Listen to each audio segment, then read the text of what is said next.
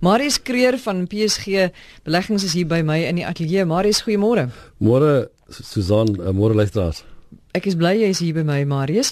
Ehm um, ons gaan nou ek het daar's so baie dinge wat ek jou wil vra want jy was verlede week in Londen gewees. Jy het hierdie internasionale beleggingskonferensie bygewoon. Jy sê daar was verskillende sprekers van reg oor die wêreld. Meeste mense van die Verenigde Koninkryk, daar was mense van Amerika. Hulle het gepraat oor Amerika. Hulle het gepraat oor Europa, oor Suid-Afrika.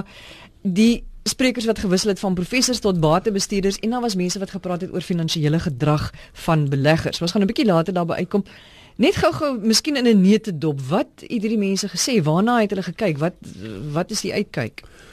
Ja, ek dink uh, op die oomblik het mense wil maar altyd die groot prentjie hoor en hulle probeer altyd maar ehm um, in perspektief stel wat in die wêreld aan die gang is, waar die waar is die risiko's en waar is die geleenthede? En ehm um, dit is so dat elke spreker behalwe een spreker het begin om oor Donald Trump te praat want hulle voel net daar is baie onsekerhede. En ehm um, en da, dit is mos net maar een van die verrassings wat ons laas jaar gehad het as as natuurlik Brexit was 'n ander gewees. Ehm um, in die groot vraag voor dit was gewees, uh gaan Trump se verkiesing goed wees vir markte? En almal het gedink nee. En iemand soos George Soros wat 'n baie groot belegger is, het uh, ek dink 2 miljard dollar verloor as gevolg van die feit dat hy gedink het die markte gaan negatief reageer. En dit wys maar net altyd vir ons die uitkomste wat 'n mens verwag is nie altyd noodwendig so nie. En daarom moet jy nie te groot eenrigting wetenskap maak nie. Ehm um, inteendeel die markte het eintlik baie positief reageer en uh intussen het het daar 'n paar goed gebeur. Ehm um, hy so 'n bietjie in sy spore gestop met die hele invoer of of of in ehm um, ehm um, mense wat FSA inkom immigrasie wetgewing wat hy wou wou verander het. Ehm um, so hy veg so 'n bietjie die die die reg op oomblik. Maar hy het ook begin praat van belastinghervorming, met ander minder belasting vir maatskappye. Ehm um, dit skep 'n ongelooflike moontlikheid van 'n maatskappy wat byvoorbeeld soos Apple wat met ongelooflik baie kontant in die buiteland sit, maar hulle wou dit nooit terugbring nie, want dan moes hulle belasting betaal. En as hulle minder belasting betaal, wat heel moontlik nog gaan gebeur as hy as hy sy sin kry, dan beteken dit hierdie maatskappye gaan baie geld in die land inbring. Dit gaan goed wees dalk vir die dollar, want hulle gaan met dollars koop as hulle terugbring. Dit beteken ook maatskappye se wins gaan meer word want hulle betaal minder belasting tot 15%. Uh wat beteken maatskappye se aandeleprys gaan opgaan want hulle hulle hulle wins en hulle verdienste gaan verbeter. So dit is 'n klomp positiewe goed vir die vir die marke by oomblik vir die FSA. Hy is ook besig met die hele Dodd-Frank situ uh uh regulasie wat hy wil wat hy wil uh wegvat, wegneem. Dit beteken banke gaan baie meer vryheid hê, hulle gaan baie minder regulasies hê. Ehm um, en natuurlik het hy ook die Goldman Sachs van hulle direkteure op sy raad raadgewers uh finansiële raadgewers. Ehm um, en die oomblik as die banke begine betrokke raak by veral beleidsvorming, dan raak ek bang want al die krisisse, finansiële krisisse mm, in die mm, wêreld mm, is deur banke veroorsaak. So dit is 'n paar goed wat in die FSA aan die gang is. Uh natuurlik is daar ook die hele kwessie rondom ehm um, handel wat hy wil amper handelsoorlog met die met China ensovoorts. Ehm um, en beskerming van die die plaaslike ekonomie wat oor die lang termyn natuurlik die FSA kan seermaak. Maar dis presies die ding want nou op die oomblik gaan dit baie goed daar maar baie mense sê oor die lang termyn gaan dinge nie so positief dan gaan die uitkyk nie so positief wees nie. En dan is daar ook onsekerheid en die markte hou nie van onsekerheid nie. Ja, dit is so. Ehm um, weet 'n mens kan risiko as jy weet wat jou risiko's is, kan jy risiko bestuur. Jy kan planne in plek stel vir sekere uitkomste wat moontlik kan gebeur. Maar jy kan ongelukkig nie onsekerheid bestuur nie want onsekerheid beteken ek weet nie wat môre gaan gebeur nie ek weet nie wat soos 'n ou wat um, met 'n bal hardloop en iemand kom van die blinde kant af en die tackle jou en dit wat jy hom nie gesien kom nie. So dis presies wat met Brexit gebeur het en Trump en nou sit ons met Europa wat 'n moontlike nexit het aan oor Nederland se se uittog dalk uit die euro uit. Hulle praat van Brexit, dis Frankryk se. Hulle praat ook van exit want dis Italië se. So een van die sprekers het gesê dat oor die langtermyn dink hy Europa gaan verbrokkel uh want Duitsland gaan nie altyd almal instaan vir almal se skuld nie. Uh maar dit kan 'n klomp jare vat. En dit skep natuurlik onsekerheid oor die euro wat ook weer die dollar sterker maak. Nou as jy kyk na na sien nou maar Europa en jy kyk na Amerika waar die die tendens of die neiging of die behoefte lyk like dit my is van mense om al hoe meer hier in ons kring. Ons wil nie meer daar buite in die wêreld nie, ons wil net ons ja. kring gelukkig hou. Dit gebeur gewoonlik in tye van skaarste, is dit nie dat mense begin onmiddellik kleiner raak en ons moet ons eie goed beskerm? Maar wat dink jy gaan die invloed daarvan op die langtermyn wees op ons finansiële ja, welstand, ja, op die wêreld se ja. finansiële welstand? As mense begin handelsooreenkomste vernietig, dan is dit baie sleg vir die wêreld. Ehm um, want nou beteken dit waar ek jou 'n geleentheid gegee het om jou produk by my af te laai, gaan ek vir jou sê nee, ons gaan dit self doen ten koste gewoonlik want die mense in die FSA verdien baie meer geld as die Meksikane. Uh Mexico se geld eenheid het ook in mekaar gestort. Dit is nou nog goedkoper om te produseer in Mexico. En nou wil president Trump hê daai mense moet in FSA in die FSA kom anders gaan hulle laat belasting betaal. So wat gaan gebeur met die Amerikaanse produk? Dit gaan duurder wees. En wat gaan oor langtermyn gebeur? Ehm um, weet jy jy gaan nie kompeterend wees nie. En jy verloor daai mark. Want mense is gewoonlik innoverend. Jy weet as jy 'n mark verloor probeer jy 'n ander mark oopmaak vir jouself. So jy verloor daai mark en as jy dalk ag jou fout agterkom kan jy dalk nie teruggaan in daai mark nie. Uh, ons het byvoorbeeld oomblik is ons so in so 'n situasie met met volstrydsvleis ons was ons het 'n uh, verbod gehad op die uitvoer van as gevolg van die die siekte En intussen is dit nou opgehef, maar nou is daai mark gevat deur iemand anders. Nou is dit moeilik om weer daai mark oop te maak vir jouself. So jy moet daai rakspasie gaan terugkry wat nou nie meer daar is vir jou nie. So dit is die dit is die nadeel. So ehm um, en oral in die wêreld sien mense hierdie konservatisme wat in in inkruip. Uh mense stem om te sê maar ons sal armer wees, maar ons wil veiliger wees. Maar is daar so iets soos daai soort veiligheid waar waarna die mense streef? Gaan dit nie op die ou einde ons finansiële nie hak byt nie? Dit is 'n baie dis 'n baie moeilike ding. Ehm um, ek dink 'n mens kan verstaan as jy in 'n land bly waar jy waar jy bedreig voel en waar jy sien daar's getalle wat teen jou begin gaan. Uh en laat jy op 'n stadium moet besluit maar om ons kultuur te bou en ons selfbehou te bou, moet ons dalk net iewers 'n rem aandraai met die hoeveelheid ander mense wat in ons land inkom. Ehm um, in die FSA is gelukkig dat hulle het nie 'n werkloosheidprobleem nie. So het gewoonlik mense wat in die land inkom met 'n bydrae kom maak en daar's werk vir almal, so dit is nie 'n probleem nie, maar as jy in 'n situasie is waar 'n land begin agterkom maar daar's groot werkloosheid en ons sien dit in Suid-Afrika baie keer waar mense kwaad raak vir buitelanders omdat die buitelanders die werk kry wat dalk goedkoper wil bereid is om te werk.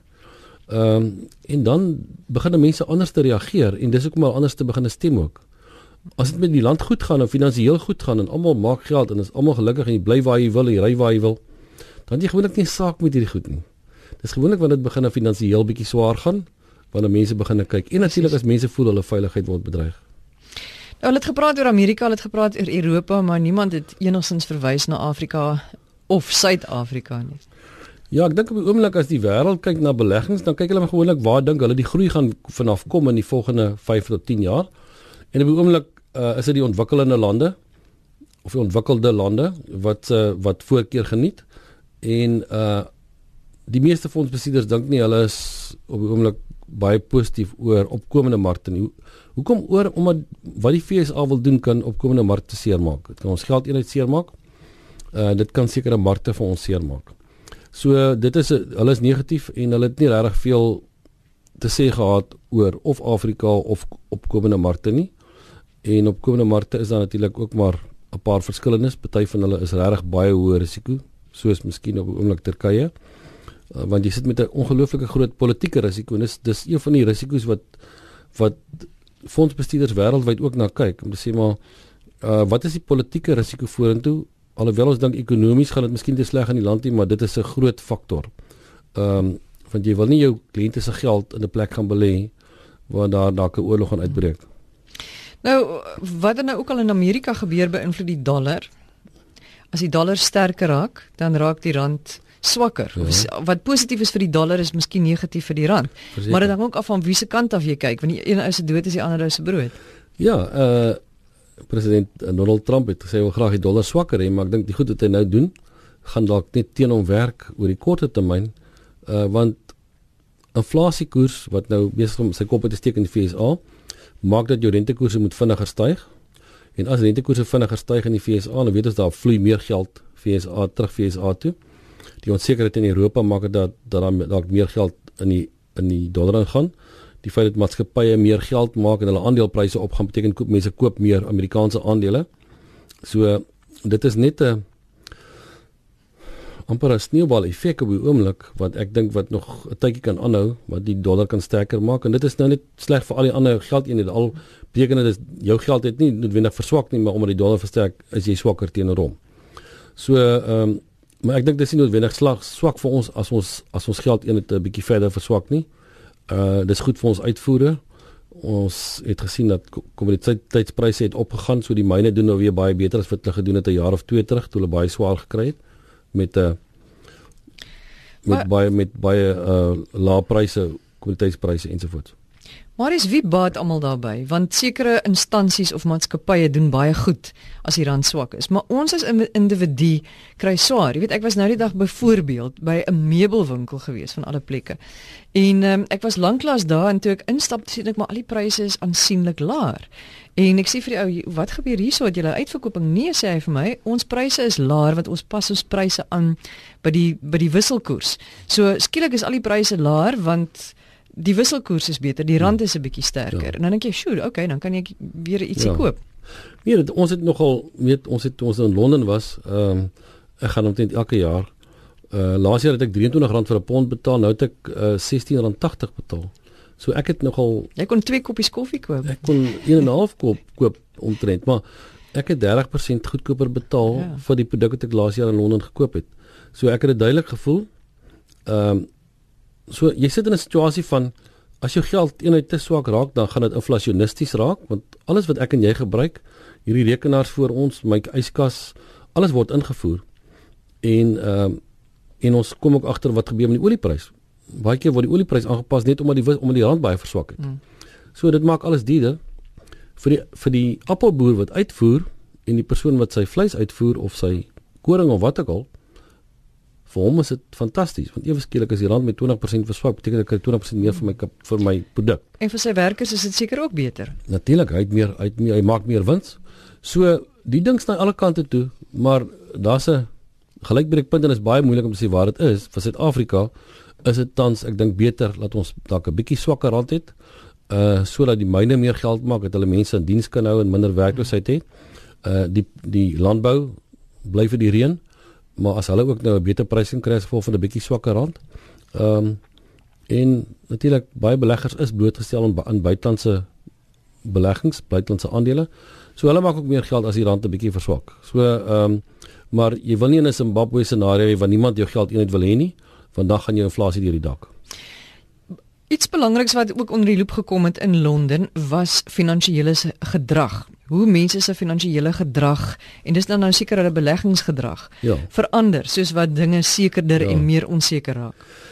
Kyk, uh omdat ons nou maar baie kliënte het en en elke persoon het 'n ander persoonlikheid en elke persoon hanteer risiko en en druk hanteer mense anderste. Ehm uh, ek het 'n kollega wat sy vrou sê man maak nie saak wat sy vir hom sê jy sien net vir ons span dan ons het 'n plan. Hy is net nooit onderdruk nie. Hy weet hy dit is hoe hy homself handhaaf.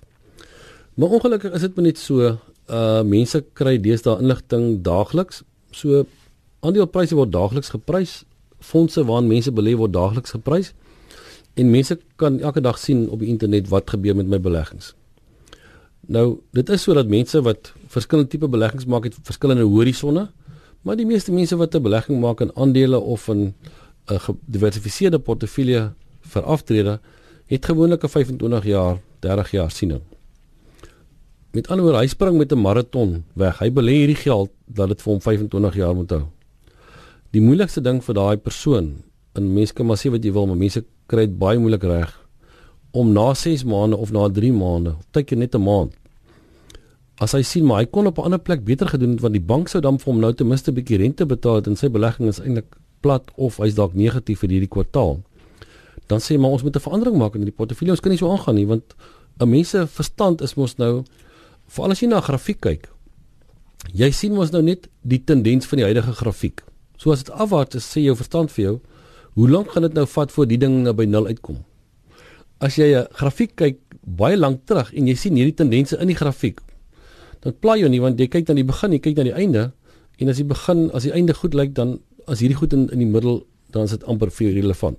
Maar as jy in daai stormpie is of in daai drukgang is, dan is dit vir mense baie moeilik om hulle hande van hulle beleggings af te hou of dan nog altyd die persoon te vertrou nou vir wie jy die geld te gee dit vir hom die plan opgetrek het en eintlik 'n proses het om deur hierdie om deur hierdie drukgang te gaan.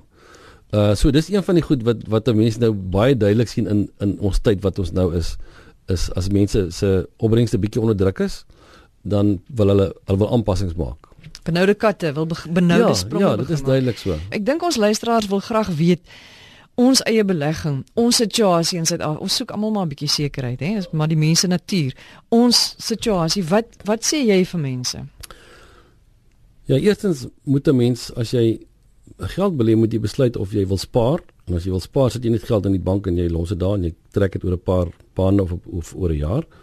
En of jy geld wil belê, as jy wil geld belê, moet jy 'n langtermynsiening neem en jy moet bates kies wat jou wat inflasie gaan klop en dit is groeibates met ander aandele, eiendom. Uh jy moet ook in verskillende ekonomieë belê want as as jy net in die rand is en die rand verswak heeltemal, soos ons net gepraat het, gaan jy niks meer kan koop nie want jy besit net rande. So jy moet ook buitelandse blootstelling hê in jou portefeulje. Ons dink 'n omgewing van 40% op die oomblik. Ehm um, en dan moet jy 'n spesialis hê wat jou kan verleiding gee hoe om hierdie geld te bestuur. Mense wat 'n spanbenadering het wat navorsing kan doen. Uh ons sê altyd as jy goeie aandele koop, wat wêreldwyd belê. Maatskappye soos Microsoft, Johnson & Johnson, uh wat ook al in die wêreld gaan gebeur, mense gaan nie ophou seep gebruik nie. Mense gaan nie ophou Microsoft gebruik nie. Uh en die kans dat iemand anders 'n stelsel kry wat dit môre gaan laat verander is baie skraal. Met ander woorde, daai maatskappye het eintlik amper 'n carte blanche om vorentoe 'n nuwe produk uit te bring en mense sal dit koop. So sê jy al al gaan 'n mens in vir daai soort maatskappye wat nou al redelike hoë aandelepryse het, betaal eerder daai hoër aandeleprys want jy weet dit gaan nog steeds styg na die toekoms toe. Ja, in indien 'n maatskappy goeie wins maak en hy betaal goeie dividende uit, gaan sy aandeel gesog bly en mense sal dit bly wil koop. Uh want jy soek altyd 'n bate wat vir jou 'n inkomste stroom kan gee en wat vir jou elke jaar 'n groter inkomste stroom kan gee. En en natuurlik gaan die bates se prys ook opgaan as as gevolg daarvan. En as jy iemand kan kry wat dit konstant kan doen, dit is eintlik die geheim. Jy moet jy moet konstant opbrengs kry. Ehm um, nie een jaar fantasties doen en die volgende jaar 'n negatief hê nie. En dit is maar wat ons probeer doen. Ons probeer maatskappye soek wat konstant oor die lang termyn vir 'n goeie opbrengs gaan gee. Ons probeer in fonds fondse belê wat presies dieselfde doen. Ons probeer nie die beste fonds van laas jaar kies nie. Ons probeer iemand kry wat elke jaar vir ons in die boonste kwartiel, die top kwartiel met oor die top 25% van daai kategorie is. En dit is belangriker as om iemand te kry wat hierdie jaar die beste gedoen het, want dit is nie moontlik om altyd te doen nie. Is dit beter om te sê om jou geld vir iemand te gee wat jy weet jy kan vertrou wat 'n instansie is, 'n maatskappy, sien nou maar soos julle wat jy weet al jare in die bedryf is en jy jy weet wat jy kan verwag van so 'n persoon en om eenvoudig daai persoon te vertrou en jy los daai geld nie daar. Jy raak nie paniekerig wanneer die markte 'n bietjie nuus en hoes en proes nie. Jy los daai geld want jy weet dat jou adviseur vir jou in die regte plekke gaan belê. Ja, Susan, ek dink die beste belegger is 'n leibelegger. Met ander woorde, iemand wat nie heeltyd vir ander aan sy portefeulje wil ingryp nie. Ehm um, mense het 'n plan, mense wat in hierdie bedryf van ons is en in en ek kan nou nie vir almal praat nie, maar uh ons is 20 en 25 jaar in die bedryf en ons het al deur 'n paar skokke gegaan en mense het al 'n paar lesse geleer. En jy het nie 'n kristalbal nie, uh, jy weet nie wat môre gaan gebeur nie, maar jy het 'n goeie idee wat werk en wat werk nie. Uh watter maatskappye is goeie maatskappye om te belê in die langtermyn. En mense het 'n proses wat jy volg en daai proses wat jy is opgestel vir krisistye soos hierdie ook. So ons het ons het dit voorsien. Ons het nie geweet wanneer dit gaan kom nie, maar dit is deel van ons plan, is deel van ons proses om te weet ons gaan sulke tye kry waar ons 1 jaar geen opbrengs kan nie of selfs negatiewe opbrengs kry. Ehm um, en die proses het vir ons gewerk en ons meet dit en ons toets dit oor 'n lang termyn.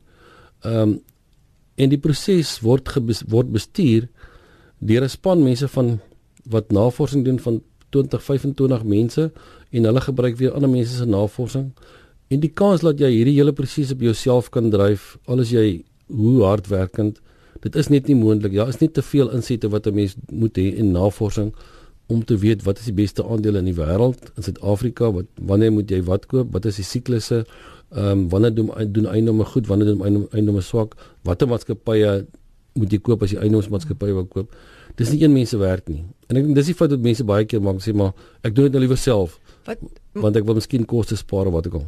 Wat is in jou mening op die oomblik die beste ehm um, afdeling om te belê, soos jy nou sal sê eiendom of Ja, ons dink ons dink nog altyd op die oomblik aandele, maar ek het, ek het ook ehm um, ek het ook gesê vir jou in, in my skrywe, miskien het ek vir jou ingegee dat ehm um, dis goed om ook 'n bietjie kontant in op jou portefeulje te hê. As 'n mens dink daar's daar's risiko, wat ons gewoonlik doen, ons ons bou die kontant 'n bietjie op. Ons maak 'n bietjie meer kontant in ons portefeulje want kontant gee noodwendig vir jou nou goeie opbrengs nie alhoewel op die oomblik kan jy dan hier by die 8% rondkry in 'n geldmarkfonds. Ehm um, maar dit gee vir jou geleentheidskapitaal as daar iets gebeur wat jou skok of daar kom 'n maatskappy aan wat iets gebeur het en jy kan die maatskappy teen 'n baie goedkoop prys koop. Want as jy ten volle belê is die hele tyd dan het jy nooit daai geleentheid nie. So baie keer is dit goed om net 'n bietjie risiko van die tafel af te haal, maar dis ons werk. Ons moet ons moet dit vir jou doen. Uh en dis dis baie keer moeilik vir 'n persoon wat so subjektief betrokke by sy eie goed is. Veral as jy 'n wenner het vir 'n tydperk en jy 'n aandeel kies wat baie goed gedoen het. Dis baie moeilik om 'n aandeel te verkoop. Al dink jy raak 'n bietjie swaar, sy gewig raak te swaar in jou portefeulje. Uh en ons probeer daai emosie uithaal om te sê maar kom ons sny daai aandeel sy gewig raak te swaar. Dis waar want ek dink baie keer 'n individu kan miskien te opgewonde maar raak, jy weet, of jy kan te bang, ja. vrees. Vrees is mos ja. nou maar 'n groot ding, maar net gou-gou baie kortliks in 'n minuut. Wat verwag julle vir 2017? Moet ons maar voortgaan om ons gordels baie styf te trek, kan ons 'n bietjie ontspan of wat wat moet ons doen? Ek dink die onsekerheid, die politieke onsekerheid in Suid-Afrika uh maak dat ons voel ons moet nog gediversifiseer wees. Ons is ons het redelik baie kontant in die portefeuilles. Uh ons is regtig nie ehm uh, bulle op die oomblik nie of weet in die mark nie. Ons, ons dink aandele gaan die beste doen oor die volgende paar jaar, maar ons is ons is regtig nie aggressief nie. Met ander ons koop aandele nog altyd, maar ons koop aandele baie keer vat dit ons 6 maande om sekere aandele te koop. Ons dink dit is te duur veral die FSA aandele dink ons is baie duur op die oomblik of raak baie duur. Uh by ons is daar geleenthede dink ons in Suid-Afrikaanse mark. Ehm um, maar wie ons koop maatskappye wat ons ons weet nie of hulle die volgende 6 maande gaan goed doen nie. Maar ons het 'n langtermynsiening en die kliënte se geld wat ons daarin sit dis dis ook geld wat ons weet kliënte gaan nie nodig hê vir die volgende 5 tot 7 jaar nie. Maar moet ons maar versigtig wees hierdie jaar. Moet ons versigtig ja, wees en denk, wakker slaap. Ja, ek dink dit ja. Ek dink na na April maand gaan ons miskien wat my my eie persoonlike siening uh gaan ons dalk die rand weer bietjie sien verswak. Ehm um, vorentoe. Ehm um, so mense wil graag jou buitelandse blootstelling behou en ek weet daar's mense wat nie met my saamstem nie wat wat sê die rand gaan versterk. Ehm um, maar ek dink dit daar's ja, daar's jy wat politieke risiko nog by ons. En ehm um, afhangende wat in die wêreld gebeur. Uh as daar is groot skok kom, ons het gesien met Brexit, met een van hierdie ander lande wat nog gaan 'n verkiesing gaan hê, dan gaan dit 'n impak weer op, op ons. Dit gaan op ons marke impak hê, dit gaan op ons op die wisselkoers impak hê. So al wat mense dit sê as as jy dink daar's meer risiko na die een kant toe, dan moet jy jouself verskans meer sound toe. So as jy nou dink die rand kan versterk, dan dink ons jy kan seker na R12.50 toe gaan. Maar as jy dink hy gaan verswak, dan dink jy waar toe kan hy gaan dalk na 16 of 17 toe gaan. So die belangrike ding is ons moet versigtig wees. Ons moet maar bedag wees en jy moenie jy moenie as jy ja. daar iewers 'n spaargeldjie het gaan uitgee nie. En moenie een rigting wetenskappe maak. Jy moenie al jou geld op een ja. aandeel ja. of net op dit sit nie, want as jy verkeerd is, gaan jy baie seer maak. Marius baie baie dankie.